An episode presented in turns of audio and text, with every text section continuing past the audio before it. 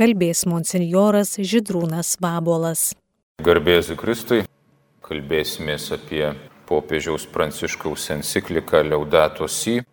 Popiežius kalba ir diskutuoja su neįsigalėjusią, bet kai kur galima išgirsti nuomonę, kad jeigu žmogus sukurtas pagal Dievo paveikslą ir gamta jam atiduota paties Dievo, tai jis gali su ją daryti, ką nori. Tai popiežius sako, Būtina tvirtai atmesti nuomonę, jog iš to, kad žmogus sukurtas pagal Dievo paveikslą, galima daryti išvadą apie absoliutų jo viešpatavimą visiems kūriniams.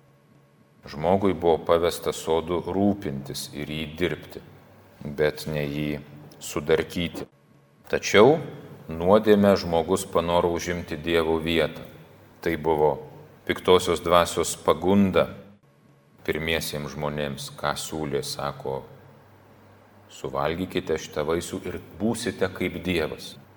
Reiškia, užimsite Dievo vietą, būsite kaip Dievas, atliepia tam pačiam antropocentrizmui, reiškia, nebeturėsite Dievui paklusti, reiškia, tarsi žemė aplink Saulę suktis, bet viskas suksis aplink jūs ir patys būsite savo ponai. Tai nuodėmė žmogus panoro užimti Dievo vietą ir tai suardė jo santykius, taip pat ir pirminis darnų žmogaus ir gamtos santykis virto konfliktu.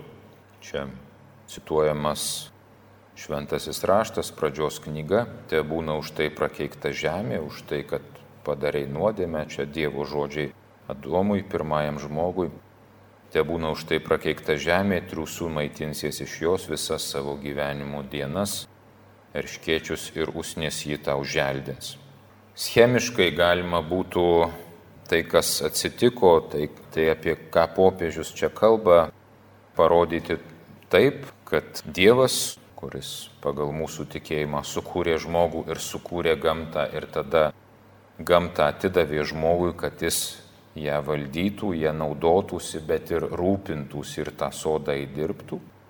Tai kas atsitiko, reiškia, žmogus nukirto šituos ryšius, pamiršęs, kad Dievas yra arba kad jis yra Dievo kūrinys, jis nebesijaučia niekam atskaitingas, nu, o kai nesijauti niekam atskaitingas, tai gali elgtis kaip nori. Ir tada, jeigu užmiršti Dievą, tai ir gamta nebėra Dievo nuosavybė arba kažkieno kūrinys. Reiškia, jinai yra niekino. O kas niekino, tą irgi gali savo pasimti ir kaip nori vartoti, nes nieks neprašys už tai atsiskaityti. Tai žodžiu, kai pamiršti, kad ir pats esi pavaldinys ir gamta yra kažkieno nuosavybė, kai nukerti ryšius su Dievu, tai tada pašli ir šitas santykis. Ne? Tada nebebrangini gamtos kaip Dievo kūrinio ir kaip to, kuo tau pavesta rūpintis, bet išnaudoji ją. Tada popiežius, nu dabar jau pereinam į tai, Kaip spręsti šitas problemas, tai pirmiausia tam tikros įžvalgos iš Evangelijos, kad rūpestis gamta yra bendra žmogiškas, o krikščionims tai yra jų tikėjimo dalis. Kūriniai čia iš, iš kitos pusės tiesiog teigiama prasme pasakyta ta pati mintis, kuri anksčiau buvo pasakyta iš neigiamos pusės, kalbant apie rūšių išnykimo žalą, tai kad kūriniai vertingi ne tik dėl to, kad jie naudingi žmogui, bet ir vertingi savyje kaip Dievo kūryba. O ir naudingi jie žmogui ne tik materialiaja vartojimo prasme, bet ir tuo, kad apreiškia Dievą ir yra jo artumo vieta. Asmenės draugystės su Dievo istorija visada rutuliojasi tam tikroje geografinėje erdvėje. Tai irgi labai graži šito popiežiaus mintis, sakyčiau, netgi iš dalies nauja mintis socialiniam bažnyčios mokyme, kuris iki tol labiau nereiškia, kad neigė šitą aspektą, bet iki tol labiau pabrėždavo, kad gamtą reikia saugoti dėl to, kad jinai reikalinga žmogui, tiek dabar gyvenančiam, tiek ateityje gyvensiančiam. Tai va, tai jos negali išeikvoti arba užteršti nes paskui pats nebegalėsi naudotis. Tai štai popiežius sako, kad gamta vertinga ir savyje, o žmogui naudinga ir ta prasme, kad e, apreiškia Dievą. Reiškia ne tik aprūpina dalykais būtinais šiam gyvenimui, bet ir veda kelia akis į amžinybę, nes žmogus irgi nepašauktas vien šiam gyvenimui, ne, jis yra būtybė, kuri pašaukta amžinybei. Tam, kad į tą amžinybę nueitum, reikia čia jau už ją apsispręsti, reikia apie ją galvoti, reikia jos siekti. Tai gamta yra kartais gražiai vadinama irgi viena iš knygų, kurie preiškia Dievą. Viena knyga yra šventasis raštas, Dievo įkvėpta knyga, o kita knyga yra kūrinyje. Ir jeigu šventą raštą ne visi galim skaityti arba suprasti, tai žiūrėdami į kūrinyje visi galim atpažinti už to mylinti kūrėją. Tai pateikęs šitų įžvalgų, kokia yra Evangelijos žinia, popiežius kalba tada, kaip spręsti problemas ir jis tai vadina integraliaja ekologija Žodis integralus reiškia visuminis, visą apimantis į visą atsižvelgiantis. Tai jis irgi, sakyčiau, šiek tiek žaidžia terminais, kalba apie aplinkos, ekonomikos ir visuomenės ekologiją, kultūros ekologiją, kasdienio gyvenimo ekologiją. Bet e, pagrindžiais šitą tokį platų termino pavartojimą tuo, kad jeigu visa susiję pavyzdžiui, gamtoje, jeigu yra tas tinklas ir jau vienas, reiškia, taškas paslinktas į kitą pusę, tai vėl daug kitų taškų irgi iš savo vietos pasislinkę ir nebegali išspręsti problemos tik kažką vieną sustabdydamas arba gražindamas, reikia kompleksinių sprendimų. Pirmiausia, popiežius parodo tą sąryšį tarp mūsų santykių kad nenoras palaikyti teisingą santykį su artimu suardo mano santykį su savim, kitais, Dievu ir žeme. Rūpinimasis gamta neautentiškas, jei stokojama meilės artimui. Kita vertus, abejingumas ar žiaurumas įvairioms gyvoms būtybėms persiduoda ir mūsų elgesiui su žmonėmis, nes širdis tik tai viena. Tai čia popiežius tiesiog kalba apie tai, kad vat, koks yra mūsų santykis. Ar aš esu centras ir į viską žiūriu tik tai kaip į priemonę, tada gamta yra priemonė, kitas žmogus yra priemonė, net Dievas yra priemonė. Aš praeitais metais perskaičiau mūsų tautiečio kunigo Antano Paškaus dabar jau amžinatilsi knygą apie šio laikinę visuomenę. Ten ne ekologinė knyga, bet, žodžiu, jis šiaip ir kunigas, ir psichologas ir jis analizuoja dabartinę visuomenę labiau iš tokios psichologinės per brūkšnelį dvasinės pusės, vadina ją terapinę. Ir kai jis lygina ankstesnę visuomenę, kuri buvo religinga, tai jisai sako, kad modernusis žmogus nėra taip, kad jis nereligingas. Ne? O jis sako, pas jį, kaip jis pavadino, lentynėliai yra įvairių religinių priemonių ir kryžius ar Biblija, bet dar ir kitų religinių praktikų. Bet sako, kas yra, kad jis nebėra šio laikinis žmogus pakviestas, pavyzdžiui, Jėzaus Kristaus pasiruošęs aukotis, ne, kad, nu, at, kaip Marija, ne, atsisakė savo planų ir sako, aš tarnaitė tavo ir te būna tavo valia. Arba kaip pats Jėzus sakė alyvų darželėje, aš nenoriu kaip žmogus, man baisu, aš dėl to, taip jau psichologiškai sakant, blogai jaučiuosi dėl to, kas manęs laukia, bet vis tiek te būna tavo valia. Reiškia, aš kaip žmogus vykdau tavo valią. Tai sako, dabar žmogus elgesi atvirkščiai, ne, kad jis prašo Dievo, kad Dievas vykdytų jo valią. Ir jis mielai pasinaudoja religiniam praktikom, kokiais nors gražiais Biblijos tekstais, jeigu tai padeda jo savijautai bet ne atvirkščiai. Ne? Tai kai žmogus centre, jis tengiasi viskuo pasinaudoti. Ir čia popiežius tik tai kalba per santykius, bet kad, žodžiu, jeigu kažkuriam iš tų santykių esi savanaudiškas ir statai save centre, tai nebus taip, kad kituose santykiuose irgi nesuklupsi, ne? Ten kituose santykiuose irgi tyčia ar nejučiom pradėsi elgtis kaip situacijos valdovas arba norintis viskuo pasinaudoti dėl savo interesų. Ir popiežius toliau sako, kad jei visa susiję, tuomet aplinka ir žmogaus gyvenimo kokybei atsiliepia ir visuomenės institucijų sveikata. Šia prasme visuomenės ekologija neišvengiama yra institucijų ekologija. Čia gal tiesiog persiskaitykim tas citatas, paskui aš trumpai apibendrinsiu. Šiandien aplinkos problemų analizė neatsiejama nuo žmogaus, šeimos, darbo bei miesto kontekstų ir kiekvieno asmens santykio su pačiu savim, lemiančio tam tikrą santykių su kitais bei aplinka būdą. Tai va, tai čia vis popiežius kalbėjo apie tai, kad širdis viena, santykiai susiję ir mes jeigu kažkaip elgiamės su gamta, tai lygiai taip su žmonėm arba atvirkščiai ir su žmonėm tiek asmeniuose, tiek socialiniuose santykiuose. Čia vatis sako prieš tai, kad visuomenės ekologija yra institucijų ekologija, o tai yra ir aplinkos ekologija, nes žinoma ir institucijose kyla problemos, kurios paskui gali vesti ir ne tik gali, bet ir veda į neteisingą elgesį su žmonėm ar su gamta. Ir kaip tas sprendžiama kartais tokiam žemam lygmenį, nes aišku, tarkim, atskiras žmogus arba žmonių grupė negali išspręsti kažkokių tai pasaulinio lygio problemų, bet gali kurti kažką savo aplinkoje. Tai pavyzdžiui, vat, jis kalba apie santykių ekologiją, kad slogus jausmas, kuris kyla dideliuose megapoliuose, miestuose, jį atsveria artimi ir šilti žmogiški santykiai, jei susikūrė bendruomenė. Kalba apie savų namų poreikį Savinamai labai svarbu žmogaus orumai ir šeimos gyvenimui, tai centrinis žmogaus ekologijos klausimas. Būtinas žmogaus santykis su moraliniu įstatymu.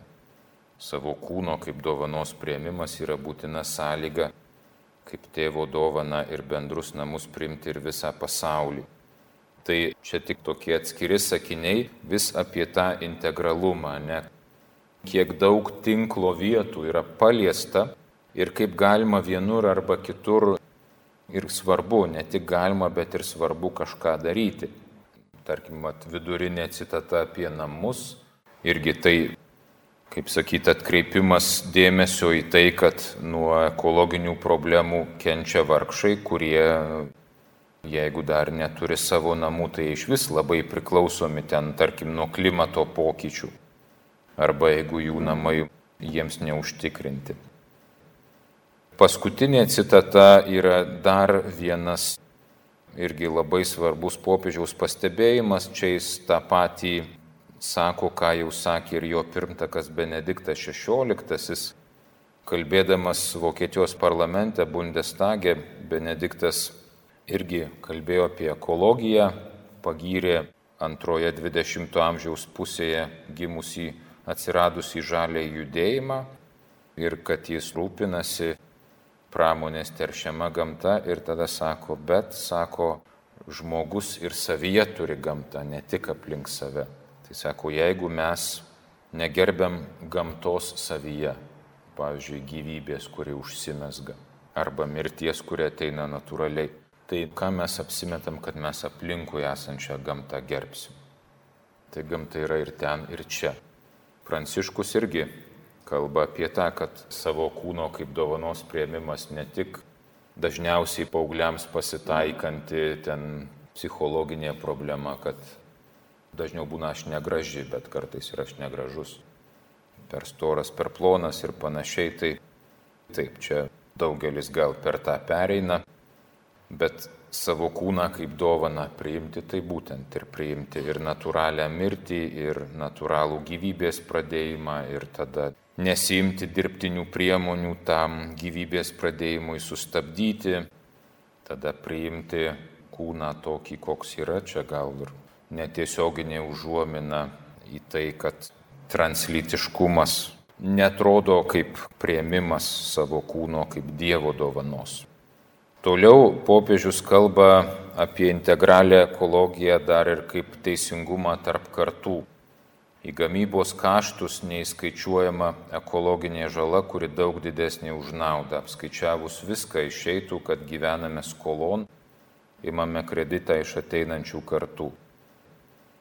Tai iš tiesų turbūt pramonės įmonės dabar e, būtų sunku paskaičiuoti ten kažkokių tų virtualių verslų užsimančių arba skaitmeniniais verslais užsimančių įmonių balansą, bet bent jau pramonės srity, tai nei viena turbūt įmonė neveikia ar bent jau ilgus metus neveikė pelningai. Dėl to, kad niekad nėra ir nebūdavo paskaičiuojama gamtai padaryta žala. Mes imam iš gamtos žaliavą tikai, už nieką, žinoma, išgavimas kainuoja, bet, taip sakant, žemėje neužsimokam už tai, kad iš jos paimam naftą, dujas, anglį ar dar kažką. Ir mes paskui vėl išmetam atgal į gamtą atliekas ir irgi nepaskaičiuojam tos žalos. Tai jeigu viskas būtų paskaičiuota, tai iš tiesų nebūtų pelno, ar ne? Tai reiškia, kad mes gyvenam ateinančių kartų skolon Čia net yra tokia vat logika, ją reiktų turbūt e, taikyti ne tik tai pramoniai bendrai, bet ir asmeniniam elgesiu. Prieš tai paminėjau ten kokias nors išmestas padangas arba, tarkim, statybinių atliekų galim rasti gamtoj suverstų arba netgi ir kažkokiuose poilsio aikštelėse arba pažintiniuose takuose tiesiog priversta šiukšlių tegu ir aplink šiukšliadėžės, bet jų ten priversta kalnai. Ir kame va, čia yra problema? Čia yra ta pati logika, tik tai nuo asmeniam lygmenį. Jeigu paklausi žmogaus, tai kodėl va, maždaug čia šiukšlės palieki, tai arba nėra šiukšliadėžės, arba šiukšliadėžė jau pilna. Bet kai jam reikėjo atsivežti tą gėrimo butelį, tai jis parduotuvės čia irgi nėra, ne? kažkodėl atsivežti, vad kai man reikia, jis žmogus jį atsiveža. Bet kai reikia išsivežti, va tada jau staiga jis nu nebegali išsivežti, nes jau jam va čia reikia išmesti. Arba kažkodėl, kai, tarkim, irgi va kokios nors sofos čia prie tų eilinių šiukšlių konteinerių būna sudėtos, kurias šiaip reiktų patiems vežti į stambių atliekų surinkimo aikšteles. Tai kodėl žmogus sofą išmeta, nes gal naują sofą nusipirko. Tai kai jis naują sofą nusipirko, jis arba pats ją atsivežė, arba užsimokėjo baldų įmoniai, kad jam atvežtų. Jis už atvežimą jis supranta, kad reikia susimokėti, nu ta nauja sofa čia neatsiras. Bet va seną išvežti jūs nenori mokėti, jau kažkas kitas turi už tai sumokėti. Ta pati logika, ne? ar jinai pramoniai stambių mastų, ar mūsų asmeniuose pasirinkimuose va tokiu smulkiu mastu kad aš negalvoju, vat, kaip sutvarkyti tai, ko man nebereikia. O grįžtant prie, reiškia, tų ateities kartų, ne, tai popiežius rašo, kad žemė mūsų bendri namai ir net ne mūsų sukurti, bet pirmiausia gauti ir paveldėti. Gauti iš Dievo, paveldėti iš ankstesnių kartų. Tai ankstesnės kartos paliko mums žemę, kurioje mes galim gyventi, kvėpuoti, nes čia yra vandens, švaraus oro, ir dalykų, kurių mums reikia išgyvenimui. Ir tada popiežius klausia, o ateities kartoms kokius šituos namus paliksime. Tai ne tik jų gerovės, bet ir mūsų pačių orumo klausimas. Kai kalbėsi su tėvais, tai nu, laiko garbę savo kažkaip savo vaikus išmokslinti ir aprūpinti. Ne? Tai yra, jeigu aš geras tėvas, gera mama, aš turiu vaikui garantuoti gerą ateitį. Tai bendraja prasme tą klausimą irgi reikia kelti. Kaip vienas pavyzdys, čia labai asmenis, prieš porą savaičių teko lankytis Ignalinos atominės elektrinės ten tam pažintiniam centre. Seniai reiškia, jau mokiausi apie atominę energetiką. Mokykloje tai buvo įdomu ir prisiminti kai ką, ir kitą sužinoti. Bet tik dabar atėjo į mintį pateiktą pavyzdį, tai neprisimenu, kiek laiko pavojingas tas uranas, kuris čia buvo naudojamas, tai nėra ilgiausias laikotarpis, nes kitas pavojingas ten milijonus metų, o šitas šimtus tūkstančių metų, žodžiu. Tai va, tai mes pasinaudojame elektrinę tvarkoj, dabar jinai uždaryta dėl ES reikalavimo, tai kiek čia ją pasinaudojom kokius 20-30 metų.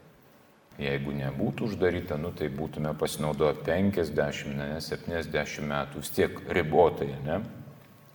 Bet mes pasinaudojam, pasigabiname elektros energijos ir tada tos atliekos kur, ne?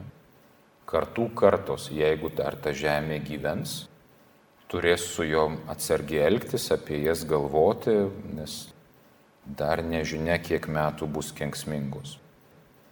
Gairės orientacijai ir veiklai Tai esminis žodis dialogas, ne, tarpusavio priklausomybė įpareigoja mus galvoti apie vieną pasaulį ir bendrą projektą, norint imtis globalių problemų būtinas pasaulinis susitarimas. Ir popiežius čia pateikia keletą principų dialogui. Turtingesniems šalims tenka didesnė atsakomybė prisidėti prie ekologinių problemų sprendimo, ypač išmetamųjų dujų kiekio mažinimo. Čia popiežius, kadangi enciklika nėra tik tai asmeniai moralinio gyvenimo patarimai, bet kreipimasis bendrai visuomenė, tai jis kalba ir apie tam tikras visuomeninės ir pasaulinės taisyklės arba principus, kuriais turi būti vadovaujamasi. Tai čia savotiški progresiniai mokesčiai. Turtingesnės šalys pirmiausia, kodėl jos tapo turtingesnės? Dėl to, kad jos kažkada tai, kai dar nebuvo supratimo arba įstatymų, irgi labai nesilaikė viena vertus ekologinių reikalavimų ir jau pakankamai užteršė žemę. Dabar, kai jos pasiekė jau geresnį technologinį lygį, tada jos įsiveda aukštus standartus ir tada sako, kad visi jų turi laikytis, net ir tie, kurie dar iki tokio technologinio lygio nepriaugo. Tai kaip pavyzdys, čia dabar jautrus klausimas su gyvūnų teisėm, kai iškilo aikštien šitos situacijos dėl nelegalių gyvūnų veisyklų, kur jie nu tikrai kankinami. Bet vis tiek, va, klausimas apie šitą, ar ne? Įsivaizduokit, jeigu va, lietuvis ūkininkas triušius augina mažesniam narvelį, O vat ES priima, kad ginant triušių teisės jiems ten reikia maždaug pusės kvadratinio metro dviems. Tai koks nors vokietis ūkininkas, jisai gali nusipirkti, gal jis jau ir turi juos, o jis gali dar ir nusipirkti lengviau, o lietuvis ūkininkas, jeigu dabar išmes visus savo dabartinius narvelius ir nusipirks naujesnius, tai bankrutuos, nes jis neturi tiesiog iš ko tokių sąlygų susikurti. Tai čia tik vienas praktinis pavyzdys, kuris yra apie tai, kad kas turtingesnis, o turtingesnis iš dalies ir dėl to, kad anksčiau daugiau priteršė, tai dabar turi aukštesnius standartus taikyti Aplinkos apsaugos neįmanoma garantuoti remiantis vien išlaidų ir naudos finansinių skaičiavimų, aplinka yra viena iš gyrybių, kurios rinkos mechanizmas negeba tinkamai apsaugoti ir skatinti.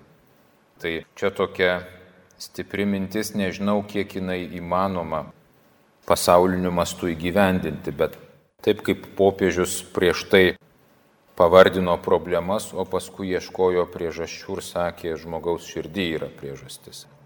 Tai norint saugoti gamtą irgi reikia kažką žmogaus širdį pakeisti, kad e, suprasti, kad aplinka nėra tik tai gerybė, kuri apskaičiuojama ir matuojama naudos savokom. Šiandien atėjo metas susitaikyti su tam tikra recesija tam tikrose pasaulio dalyse, suteikiant galimybę sveikam vystimuisi kituose.